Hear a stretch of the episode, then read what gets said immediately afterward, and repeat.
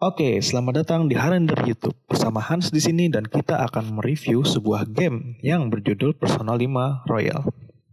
Game Persona 5 Royal ini gue beli sekitar sebulan yang lalu. Ini adalah game pertama yang gue beli langsung dan langsung gue tamatin dalam waktu 14 hari. Ya, atau kalau di save file gue ketika gue menyelesaikan uh, ininya, menyelesaikan gamenya itu sekitar 99 jam pas. Dan itu pun sudah banyak yang di skip karena uh, gue udah mainin uh, eh, gue udah mainin personal 5 dari YouTube. Jadi uh, ada beberapa uh, cerita yang sama kan di personal 5 jadi kadang gue skip gitu lah di fast forward. Nah uh, dan dengan 90 jam itu gue sudah memplatinumkan game ini. Yang berarti uh, kan di PS suka ada achievement kan Nah itu sudah 100% completion. Jadi ya menurut gue bolehlah gue review game ini. Nah sedikit background aja, gue itu seorang penggemar game Persona ya dari sejak PS2 yaitu uh, game pertamanya adalah Persona 3. Nah gue udah main game Persona 3 dari awal banget yang benar-benar cuma tulisannya Persona 3 atau ya bisa disebut juga Persona 3 yang original. Lalu setelah itu muncul Persona 3 Fest. Persona 3 Fest itu kayak uh, game original ditambah lanjutan dari ceritanya. Yang jadi ada bagian The Journey sama The Answer. Nah, itu tambahannya. Lalu juga sempat main game Persona 3 Portable. Di mana sebenarnya itu kayak game Persona 3 yang di bagian The Journey-nya cuma ada tambahan uh, tokoh utama wanita. Jadi itu kayak game yang sama tapi dibikin satu uh, cerita di mana kalau uh, tokoh utamanya tuh cewek.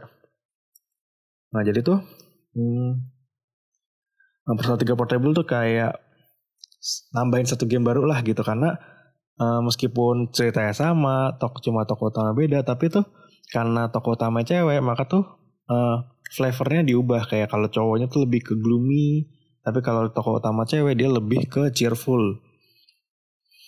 Jadi uh, banyak lah yang diubah. Kayak social link kalau biasanya yang cowok bisa roman sosial yang cewek berarti kan diubah dong yang cewek-cewek berubah jadi yang si cowok. Nah itu tuh uh, jadi ya kayak satu game baru lah itu itu Persona 3 Portable. Nah gue juga mainin Persona 4 tuh dan ya waktu itu Persona 4 tuh ada lanjutannya lagi itu Persona 4 Golden.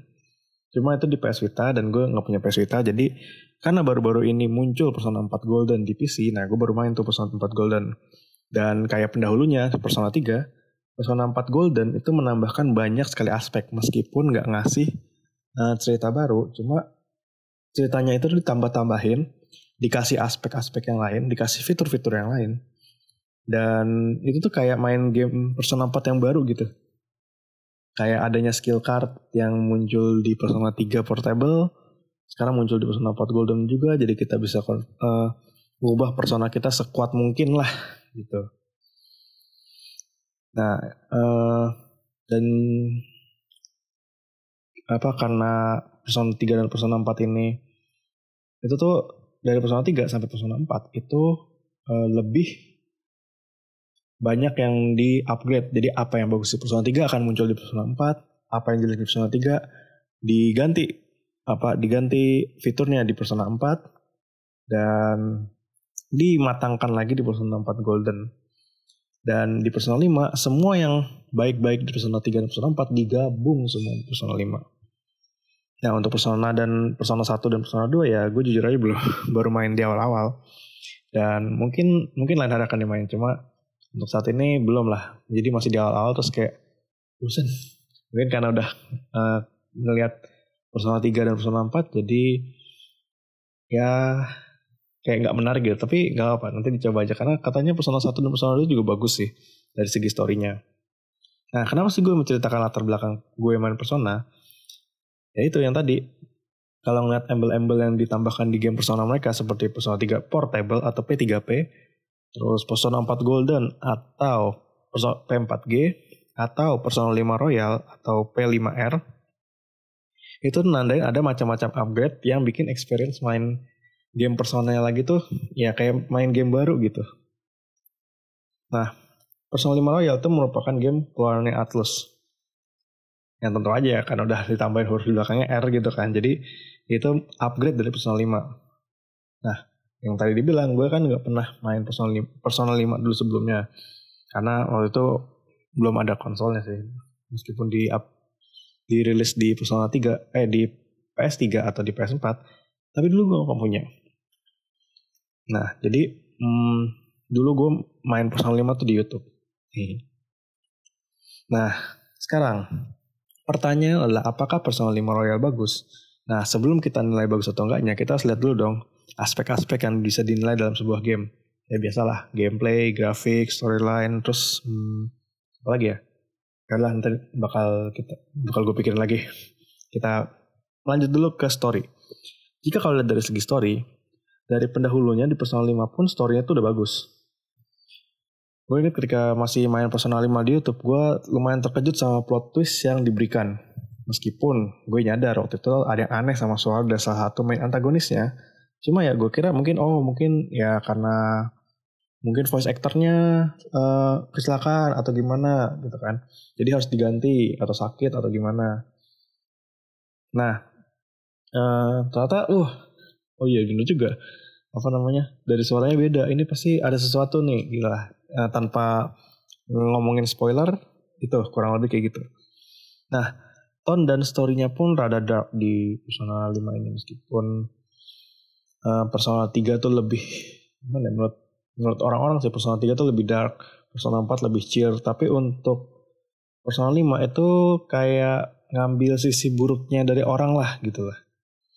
Kayak mulai guru yang sewenang-wenang menyalahgunakan kekuasaannya atau uh, ada crime lord ya jelas kalau crime lord udah pasti uh, banyak hal-hal buruk lah yang situ. Dan Persona 5 menambahkan juga karakter baru dan karena ada karakter baru yang harus disisipkan maka ada perubahan pada storynya yang gue lihat tuh ada perbedaan tuh.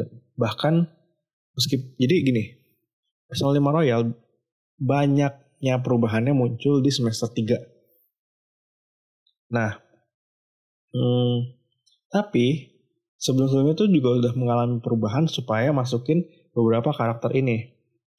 Supaya bisa nyambung gitu loh. Karena aneh kan kalau misalnya tiba-tiba nggak ada angin, nggak ada hujan, tiba-tiba ada tambahan cerita gitu loh. Nah, itu ditambahin, diselip-selipin lah. Jadi lebih masuk akal ketika nanti kita sudah masuk ke semester 3. Ya, meskipun nanti kalau misalnya kalian beneran main Persona 5 Royal, kalian akan tahu bahwa cerita tambahannya kayak kurang lebih sia-sia. Ya, cuma nggak apa itu uh, yang disuguhkan dari ceritanya itu bikin gue tuh mikir, wah bener juga ya. Hmm, jadi kita kayak simpati lah sama apa yang ditawarkan sama si tokoh utama yang baru, tokoh utama antagonis yang baru. Kayak, oh gue paham, gue tahu maksudnya dia uh, apa namanya dan ya sebenarnya wajar aja dia ngelakuin ini dan apakah sesungguhnya yang dilakuin tuh bener atau enggak gitu. dan bahkan gue sendiri ketika mainin game Persona 5 Royal ini gue kayak hmm, terconvince lah untuk setuju sama main antagonisnya meskipun ya karena gue tahu itu apa namanya bukan good ending jadi ya ya mau gimana Jadi kurang lebih kayak gitu. Uh, dari storynya itu menurut gue bagus. Uh, kalau bagi kalian yang udah pernah mainin, kira-kira kalian lebih milih ending yang mana? Yang good ending atau yang bad ending? Nah, sekarang kita bahas yang lebih simple dulu deh, yaitu grafiknya. Grafik Persona 5 itu dari Persona 5 tuh udah gak diraguin lagi gitu loh karena grafiknya meskipun gak seril uh, Ghost of Tsushima, God of War, Horizon Zero Dawn dan mungkin apa lagi ya?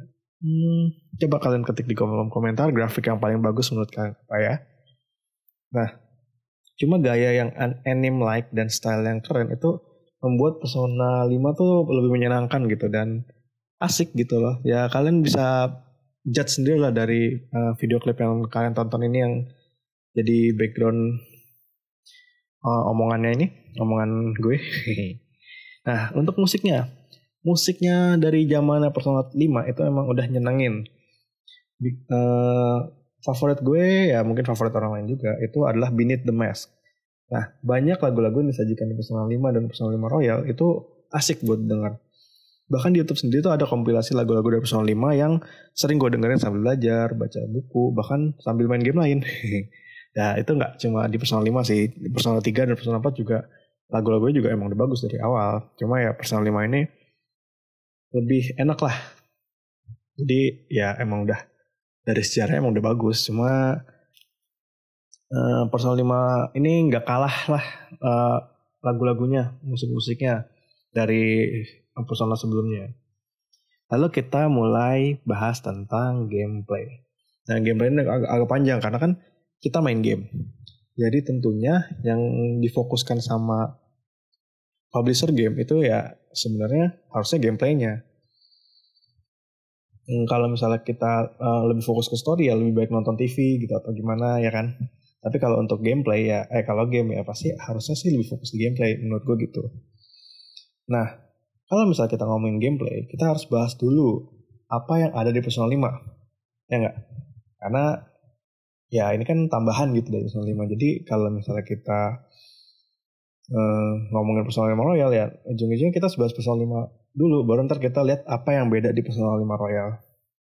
Nah, pertama, game Persona ini nggak mungkin ya kan kalau nggak ada dungeon. Nah, kalau contohnya Persona 3 punya Tartarus, Persona 4 punya TV World, Persona 5 itu punya yang namanya Palace. Dan wow, ini kagum banget sama upgrade yang dibikin oleh Persona 5. Karena Palace itu gede banget. Dan itu penuh dengan puzzle. Jadi nggak cuma di situ datang berantem enggak, tapi itu udah luas exploration tuh jadi lebih enak gitu loh dan banyak hidden hidden area juga yang bisa ditelusuri jadi untuk kalian yang suka exploring gitu eh, game uh, di Persona 5 ini bakal termanjakan oleh adanya Palace ini cuma kalau misalnya kita udah selesai Palace maka nanti dungeonnya bakal hilang. Si Palace ini bakal hilang selamanya. Loh, terus gimana dong kalau misalnya gue nyelesain Palace dalam waktu sehari terus mau main-main lagi? Di den, uh, mau eksplorasi lagi? Terus gue gimana? Nah di Persona 5 ada juga namanya Mementos. Nah jadi untuk kalian yang udah pernah main Persona sebelumnya Peles sama Mementos itu adalah gabungan dari hal-hal yang bikin Persona 3 dan Persona 4 tuh menarik secara exploringnya. Di mana Persona 3 itu tuh uh, ada namanya area yang biasa dipakai untuk kita ngelawan bos setiap bulannya. Kayak hmm, ya ini kan udah pernah lihat di Persona 3 lah gitu ya.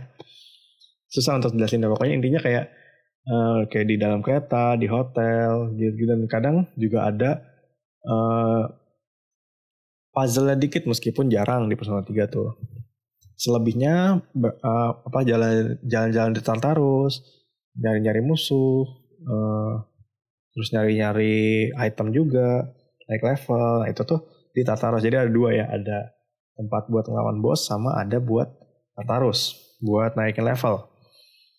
Nah, eh, di Persona 4 itu kan cuma punya TV World. Di mana ya dungeonmu ya di situ-situ aja gitu loh.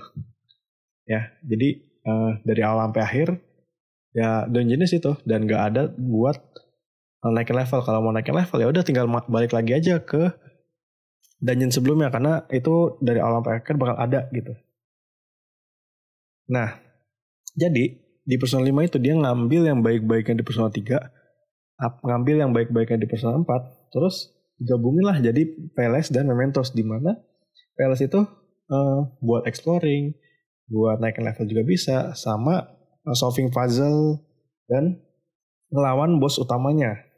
Nah, Mementos itu lebih ke uh, grinding, naikin level, atau nyari-nyari item. Dan menelusurinya tuh kurang lebih kayak Tartarus gitu loh. Kayak Tartarus dan Persona 4. Karena jatuhnya tuh dia lebih sempit daripada Peles. Kalau Peles tuh lebih luas. Cuma Peles ya paling maksimal berapa. Itu sih. Cuma kalau Mementos lebih banyak lah ada berapa ya 15 kali ya itulah gue juga gak ngitung sih sebenarnya uh, dan juga di Persona dari, dari mulai Persona 3 Portable itu tuh udah mulai ada request. Nah di Persona 4 juga ada beberapa request yang harus diambil ketika kita main dungeon. Di Persona 5 itu requestnya tuh lebih natural. Kalau kalian memperhatikan, eh, kalian akan tahu maksud saya kenapa bilangnya request di Persona 5 tuh lebih natural. Nah, kedua, kita mau bahas tentang mekanisme battle-nya. Di mana mekanisme itu masih menggunakan uh, eh, JRPG tradisional yaitu turn based kayak kalau pernah main Pokemon atau Final Fantasy yang dulu-dulu tuh. Nah, kayak gitu. Atau mungkin ada contoh lain? Terus di kolom komentar ya. Nah, cuma Persona 5 ini juga mengambil mekanisme rekrutmen persona kayak di game Shin Megami Tensei. Yaitu kayak kalau misalnya kita lagi uh, jalan-jalan di Peles atau jalan-jalan di Mementos kita ketemu Jack Frost misalnya.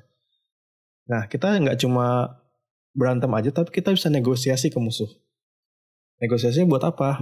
Biar kita ngomong ke uh, musuh supaya dia bantuin apa uh, masuk jadi persona kita gitu atau kita bisa minta duit ke mereka atau kita bisa minta item ke mereka. Nah, itu kurang lebih sama lah kayak Shin Megami Tensei bagi pemain Shin Megami Tensei itu bakal familiar dengan metode ini. Nah terus uh, eksploitasi kelemahan di Persona 5 itu juga sama kayak game Persona lain. Itu kan biasanya kalau ya namanya juga turn based gitu ya, jadi pasti musuh ada beberapa kelemahan. Nah kurang lebih sama yang kayak di Persona sebelumnya. Jadi ketika kita nyerang kelemahannya, maka kita bisa mulai satu lagi. Kita bisa maju satu lagi. Jadi kita bisa uh, gimana ya? Nyerang sekali lagi lah gitu anggapannya. Nah cuma di personal 5 ini ada fitur yang namanya baton pass di mana ketika kita nyerang satu kelemahan kita bisa jalan sekali lagi tapi kita bisa ngasih uh, bonus turn kita ke orang lain misalnya tokoh utama nyerang saat Terus ternyata musuh selanjutnya itu tuh beda kelemahannya dan kita nggak punya uh, persona yang punya skill untuk ngalahin kelemahan itu buat exploit kelemahan. Kita bisa pindahin ke misalnya Ryuji. Nah ntar uh, Ryuji bakal nyerang pakai bonus turn kita, tapi dengan damage yang lebih tinggi. Nah itu ya nanti kalian bakal paham ketika kalian main karena jelasnya susah ya. Nah itu dan bahkan kalau misalnya kita kuasai sepenuhnya Baton Pass ini, jadi benar-benar saat, dalam satu bonus turn itu uh, satu tim nyerang, itu tuh pemain terakhirnya itu bisa um, ngeluarin skill dari persona tanpa menggunakan uh, eh, HP atau SP kita. Jadi mau Agilau kayak Agidain atau mau Akasha Arts yang fisikal itu itu nggak nggak perlu pakai biaya sama sekali. Nah itu tuh enak banget deh. Jadi bikin combatnya terasa lebih fluid, lebih enak dan ngatur strateginya juga lebih enak. Dan di sini Persona 5 juga menambahkan fitur teknikal. Di mana cara paling gampang untuk jelasinnya tuh gini. Misalnya kamu ngasih agi, agi itu kayak skill uh, apinya lah. Skill api ke musuh. Terus uh, skill apinya ini punya kesempatan untuk bikin status burn ke musuh. Nah, ketika benar-benar udah kena burn musuhnya, kamu bisa ganti orang, terus kamu uh, kasih skill garu atau skill angin. Api dikasih angin, pasti kan api lebih gede dong. Jadi burn lebih gede. Nah, itu yang disebut technical point. Di mana kalau misalnya technical point mudah tinggi, itu uh, musuh juga bisa kamu kasih garu langsung down. Salah satu contoh lagi adalah ketika kamu kasih Zio. Zio itu adalah skill uh, elektriknya, skill listriknya. Dan kalau misalnya listrik pasti uh, biasanya musuh akan kena paralyze. Nah yang menariknya adalah ketika kamu di uh, ketika musuh di paralyze, kamu bisa nyerang dengan physical attack untuk bikin poin teknikal. Jadi musuh bisa jatuh cuma kita dengan pukul doang. Cuma karena ini teknikal, maka ketika kita nyerang musuh yang paralyzed, dengan serangan pukulan biasa, serangan attack biasa bukan serangan dari persona atau serangan dari pistol, kita bisa kena paralyze. Jadi paralyze uh, nyamber ke kita gitu loh. Nah itu merupakan mekanisme yang menarik untuk dibicarakan karena strateginya tuh berubah-berubah setiap permainannya karena uh, mekanisme mekanisme yang kayak gini tuh yang bikin uh, permainan jadi nggak membosankan gitu dibanding personal-personal yang sebelumnya. Meskipun ya personal-personal sebelumnya juga menarik juga cuma yang ini lebih menarik. Nah uh, ketiga kita mau bahas tentang social link atau kalau misalnya di personal 5 disebutnya confident. Di personal 5 tuh berbeda dengan social link karena hmm, karena ini confident, maka kita bisa mendapat keuntungan lain untuk mengerjakan confidence selain naikin level. Kan kalau misalnya di personal 3 atau di personal 4 kita naikin social link itu biar kalau untuk teammate kita itu di personal 4 bisa uh, ngerubah uh, persona teman kita. Atau kalau misalnya uh, yang bukan teammate kita yang di, yang di persona 3 juga lakuin adalah ketika kita nge-fuse persona dengan Arkana, misal Emperor uh, yang sesuai, nanti XP-nya akan nambah gitu loh. Sesuai berbanding lurus dengan tingkatnya. Semakin tingkatnya tinggi, XP yang diberikan lebih banyak. Nah tapi di Persona 5 tuh nggak kayak gitu. Karena kan kadang bosan ya kayak, ah apaan sih orang Arkana yang ini yang Sun gak bagus kok, ngapain diinin. Nah tapi kalau di Persona 5, itu ya semua confident tuh ngasih semacam apa ya ngasih semacam keuntungan lah. Kayak misalnya kalau kamu naikin confident kawa kami kita bisa lakuin banyak hal. Kayak kita bisa uh, bikin bikin uh, lockpick alat-alat infiltration. Itu tuh sambil kita olahraga misalnya. Jadi kita bisa minta kawa kami untuk uh, bikinin uh, alat bantu kita apa infiltration tool kita, tapi kita sambil olahraga. Atau misalnya kita habis dari Mementos atau dari Peles terus kita capek, kan biasanya Morgana bakal, ah kamu capek tidur aja gitu loh. Tapi dengan ada bantuan kawan kami, kita bisa minta bantuannya dia untuk bikin kita lebih fresh lagi, jadi kita bisa uh, ngelakuin satu kegiatan lagi lah, dan itu sangat membantu untuk uh, naikin level confident. Dan di personal 5, confident ini bisa full dalam satu gameplay. Dan gue udah pernah uh, buktiin kalau dalam satu gameplay semua confident bisa max. Jadi meningkatkan confident itu sangat penting di Persona 5 nah sekarang apa sih yang beda di Persona 5 Royal? Nah di Persona 5 Royal itu pemakaian pistol bisa lebih berguna dibanding sebelumnya. Nah, jadi peluru di Persona 5 sekarang tuh akan reverse setiap battle. Nah, hal ini tuh bikin strategi penggunaan pistol tuh lebih banyak digunakan karena pistol itu banyak gunanya untuk uh, mainin technical di uh, Persona 5. Jadi kalau misalnya kita naikin confidentnya siapa ya Hangman ya kalau nggak salah. Pokoknya uh, weapon store itu biasanya dia bakal maksimalnya kita akan dapat gratis modifikasi. Di mana peluru yang kita lemparkan bisa menimbulkan burn atau uh, freeze. Nah, jadi kalau misalnya kita nyerang pakai pistol itu, kita bisa inflict status element secara gratis tanpa pakai SP atau pakai item gitu kan. Jadi uh, enak lah. Nanti kalian bisa ngerasain sendiri kalau kalian main game ini. Nah selain itu ada mekanisme lain yang namanya showtime. Di mana showtime ini kayak apa ya sudah jelas. Jadi kayak special move gitulah yang dilakukan sama dua orang dari tim kita. Nah, Showtime ini biasanya lucu-lucu kayak misalnya uh, Makoto dengan Ryuji, ada referensi Fist of the North Star di situ, atau mungkin Jojo juga bisa kali ya, yang ora ora ora ora ora ora ora. Dan ini muncul random sih, tapi uh, selama ini gue main personal 5 Royal, Showtime ini muncul tuh pas banget di saat-saat dibutuhkan. Kayak misalnya udah mau mati, atau musuhnya udah mau sekarat, ya itu lumayan lah bikin gamenya tuh lebih menarik dan gak membosenin. Dan di Persona 5 Royal ini juga ada yang namanya grappling hook kayak Batman gitu loh. Nah, karena munculnya grappling hook ini, Dungeon tuh diubah menjadi uh, menjadi uh, mode-mode gimana ya? Dungeon tuh disesuaikan dengan ada grappling hook ini. Jadi ada beberapa tempat di mana yang bisa ditelusuri dengan grappling hook. Yang bikin puzzle-nya jadi lebih pusing. Ke sana kemari terus uh, buka ini buka itu mencet ini mencet itu ngambil dulu atau gimana enak. Jadi lebih gak bosenin lah puzzle-puzzle di Persona 5 Royal itu. Dan lagi di setiap boss battle itu punya mekanisme baru yang gak ada di game aslinya. Jadi kalau misalnya dulu cuma um, gede-gedean kekuatan sekarang tuh ada mekanisme lain.